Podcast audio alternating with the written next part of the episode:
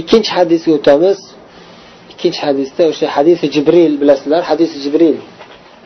Jabroil hadisi deb mashhur bo'lgan. Shu jabroil alayhissalom kelganliklari va payg'ambarimizga savol berganliklari zikr qilingan bu hadisda. Buni ham umar roziyallohu anhu rivoyat qilgandilar. Umar roziyallohu anhu aytadilar bir kuni rasululloh sollallohu alayhi vasallamni huzurlarida o'tiruvdik. Oppoq kiyimli soch soqollari qop qora bo'lgan bir notanish odam kirib keldi dedilar. Bizdan uni hech kim tanimaydi va u mana shu mahalladan desak u safar safar belgilari safar alomatlari ham zohir emas hamma yoq top toza safardan kelgan odam changga botib charchab kelishi ma'lum. Lekin bu odam unaqa emas. Safardan kelgan odamga o'xshamaydi. Safardan kelmagan bo'lsa biz tanishimiz kerak. Biz esa tanimayapmiz uni dedilar.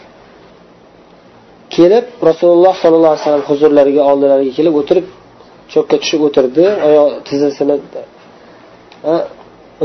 tizzasini payg'ambarimiz tizzalariga suyantirdi va ikkita kaftini o'zining sonini ustiga qo'ydi.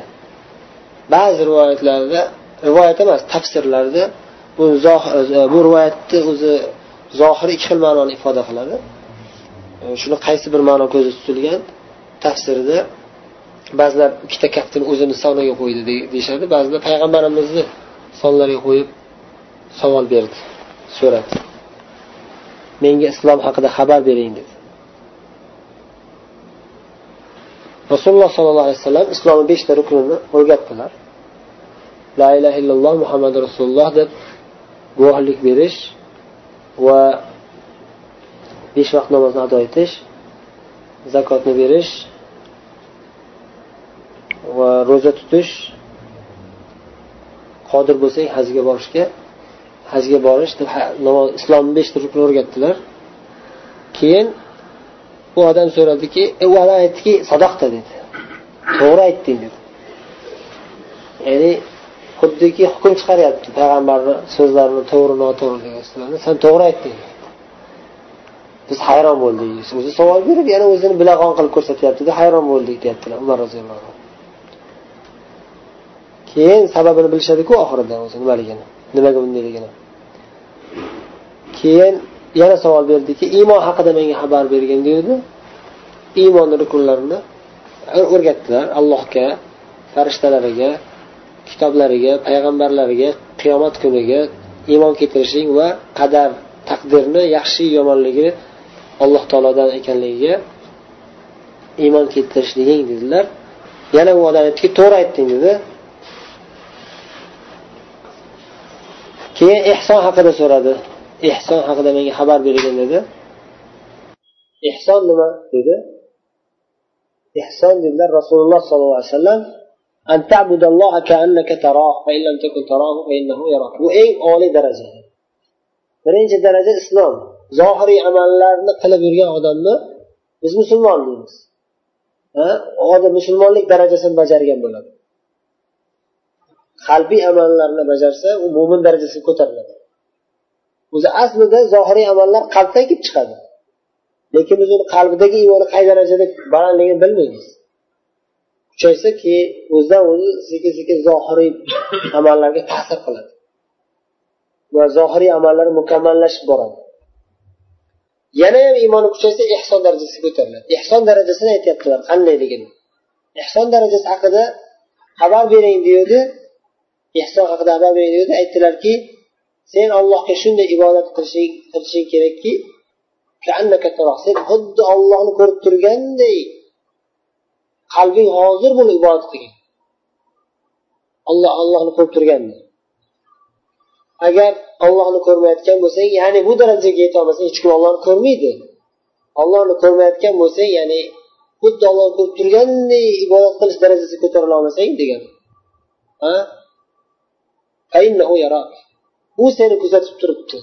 U seni ko'rib kuzatib turibdi. Shuni esdan chiqarmang. Ikkinchi darajasi. Ehson o'zi ikki daraja. Ba'zi avliyolar allohni avliyolari shu darajada kuchli oliy darajaga yetishadiki shu iymoni shu darajada kuchli bo'ladiki xuddi ollohni ko'rib turganday bo'ladi. Hech qachon hech kim ollohni ko'rmaydi bu dunyoda. Lekin iymoni kuchliligidan ollohni ko'rib turganday o'zini his qiladi. Olloh bilan bevosita gaplashayotgandek his qiladi o'zini. Va undan pastroq darajadagi allohning do'stlari allohning avliyolari olloh meni kuzatib turibdi deb hayoti davomida har doim olloh kuzatib turganligini esdan chiqarmaydi. Bu narsa voqeda juda ham katta ta'sir ko'rsatadi. Hatto makruh ishlarni ham qilmaydi. O'shaning uchun biza kechagi qaysidir majlisda o'tirganimizda aytdikku gunoh qilmoqchi bo'lsang gunoh kichkina gunoh gunoh deb turib gunohni kichkinaligiga e'tibor bermaysan. Sen kimga gunoh qilyapsan? Kimga osiy bo'lyapsan? Ollohga shu osiy bo'layotganing zot alloh taoloning azamatini buyukligini hozir qilgin qalbing. Qanday qilib shunday buyuk zotga osiylik qilasan? Deb o'zingni shu gunoh masiyatdan uzoq tutgin deyishgan. Undan keyingi savol nima bo'ldi? Qiyomat haqida xabar bering. Qachon qiyomat bo'ladi? Qiyomat haqida menga xabar bering. Nimadir javob berdilar qiyomat haqida so'ralgan odam so'rovchidan ko'ra yaxshiroq bilmaydi. Ya'ni bu yerda so'ralgan odam kim? Payg'ambar. So'rovchi kim? Jabroil men sendan ko'ra yaxshi bilmayman. Qiyomat qachon bo'lishini bir birimizdan ortiq bilmaymiz. Hech kim bilmaydi faqat olloh biladi. Men bilmayman desalar bo'lardi? Nima uchun bu iborani ishlatdilar? Bu ham hikmati bor. So'ralgan odam so'rovchidan ko'ra ilmli emas bu masalada. Hamma barobar bu masalada ilmi. Ya'ni bilmaydi. So'ralgan odam ham bilmaydi so'ragan odam ham bilmaydi bu narsani. Hech qachon tagiga yetolmaydi ya'ni faqat ikkalamiz emas qiyomatgacha keladigan odamlar hammasi kim qiyomat qachon deb so'rasa kimdan so'rasa u ham bilmaydi bu ham bilmaydi degan keyin aytdilarki bo'lmasam qiyomat alomatlari haqida xabar bergin dedilar. Qiyomat qachonligini bilmasak ham qiyomatni belgilari bor deb shu belgilarni ko'rsak ha qiyomat yaqin qolibdi deb o'zimizni tezroq tavba qilib o'zimizni tuzatib olamiz degan ma'noda so'radi. Bular hammasi bizga dars bo'lyaptida. Shu ba'zi bir alomatlarni zikr qilib aytdilarki cho'ri o'zini xo'jayinini tug'adi. Tug'adigan holat ko'rsang shunday holat kelsa va oyoq kiyimsiz umuman kiyimi yo'q bo'lgan odamlar alala kambag'al nochor holdagi odamlar qo'ylarni boqib yuradigan oddiy dehqonlar cho'ponlar binolar qurishda bir birlaridan uzun uzun binolar qurishga musobaqa o'ynab ketishsa o'zi sahroda yashagan chodirda yashagan qo'y boqib yurgan oyoq kiyimi ham bo'lmagan oddiy kiyimi ham bo'lmagan hatto ba'zida yalang'och holatda yurgan odamlar shunday vaqt keladiki ular bir birlari bilan imorat baland imorat qurishga poyga o'ynab ketadilar bundan ham ko'ra ochiqroq mo'jiza bormi payg'ambarimiz? Bor ko'p mo'jizalar lekin bu ham ochiqdan ochiq mo'jiza emas ya'ni bir ming to'rt yuz yil oldin kimni xayoliga keladi balo imorat qurish? Hozir mana ana shu sahroda yashaydigan odamlar biz o'z o'z ko'zimiz bilan ko'rib turibmiz qo'y boqarlar bugun qo'liga pul tushib qolib yonidan neft chiqib qolib puli ko'payib ketib yuz qavatli ikki yuz qavatli imorat qurib bir biridan poyga o'ynayapti. Avvalgisi birinchi belgisi nima edi?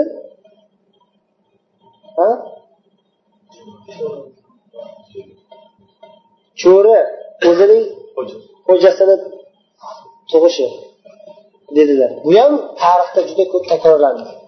Payg'ambarimizdan keyin albatta. Qiyomat alomatlari bo'lib juda ko'p takrorlandi. Xosatan jihod kuchaygan paytlarda jihod kuchayib mujohidlar cho'rilar olishdi. Kofirlarni kofir ayollarni urushda asirga olib cho'ri olishdi va u cho'rilar bilan yaqinlik qilish joiz degan yaqinlik qilgandan keyin u farzand ko'rib undan ozod bo'ladi. Ozod bo'lib o'zini onasiga xo'jayinlik qildi odobsizlik onasi cho'rida endi o'zi ozod endi. Bu bir ko'rinishi yani. bir ko'rinishi. Yana bir ko'rinishi oddiy. Bitta cho'ri deganda ya'ni ollohning cho'risidek pozitsiya. Ha? Ollohning cho'risi o'ziga xo'jayin o'zining xo'jayin tug'adigan bo'lib qoladi. Ya'ni oddiy onalar bolasi shunchalik oq bo'ladiki onasiga. Onasini cho'riday ishlatadi. Onasini hurmatsizlik onasiga hurmatsizlik qiladi. Mana shu qiyomat alomatlaridan mana shu hadisda ko'zda tutilgan ma'nolardan. Demak bu alomatdan ko'rindi keyin qaytib ketdi u odam. Kelib payg'ambarimizga shu savollarni berib shu javoblarni eshitib ketdi. Ketgandan keyin biz bir vaqt turib qoldik ma'lum bir vaqt hayron bo'lib nima bo'lganini yaxshi tasavvur qilolmasdan qolib ketdik keyin rasululloh sollallohu alayhi vasallam aytdilarki ey umar bu kelib savol bergan odam kimligini bilasanmi? dedilar. Olloh va rasuli biluvchiroqdir deb javob berdim dedilar. Payg'ambarimiz aytdilarki bu jabroil edi. Jibril edi. Sizlarga diningizni ta'lim berish uchun keldi. O'rgatib ketish uchun keldi. Bu bu narsalar boshqa hadislarda ham zikr qilingan bu ma'lumotlar. Nima uchun aynan jabroil alayhissalom kelib yana savol tariqasida so'rab yana ta'kidlab ketdilar? Chunki zarur eng zarur ma'lumotlar hamma musulmon bilishi kerak bo'lgan asosiy ilm. Bu hadisning qisqacha ma'nosi va sharhi mana shunday. Endi hadisi sharifning arabcha matniga yana bir bor quloq solamiz. عن عمر رضي الله عنه أيضا قال بينما نحن جلوس عند رسول الله صلى الله عليه وسلم ذات يوم إذ طلع علينا رجل شديد بياض الثياب شديد سواد الشعر لا يرى عليه أثر السفر ولا يعرفه منا أحد. حتى جلس إلى النبي صلى الله عليه وسلم فأسند ركبتيه إلى ركبتيه ووضع كفيه على فخذيه وقال يا محمد أخبرني عن الإسلام. فقال رسول الله صلى الله عليه وسلم الإسلام أن تشهد أن لا إله إلا الله وأن محمدا رسول الله وتقيم الصلاة وتؤتي الزكاة وتصوم رمضان وتحج البيت إن استطعت إليه سبيلا. قال صدقت. فعجبنا له يسأله ويصدقه. قال فأخبرني عن الإيمان. قال أن تؤمن بالله وملائكته وكتبه ورسله واليوم الآخر وتؤمن بالقدر خيره وشره. قال صدقت. قال فأخبرني عن الإحسان. قال أن تعبد الله كأنك تراه فإن لم تكن تراه فإنه يراك. قال فأخبرني عن الساعة. قال ما المسؤول عنها بأعلم من السائل؟ قال فأخبرني عن أماراتها. قال أن تلد الأمة ربتها وأن ترى الحفاة العراة العالة رعاء الشاء يتطاولون في البنيان. ثم انطلق فلبثت مليا. ثم قال يا عمر أتدري من السائل؟ قلت الله ورسوله أعلم. قال فإنه جبريل أتاكم يعلمكم دينكم. رواه مسلم.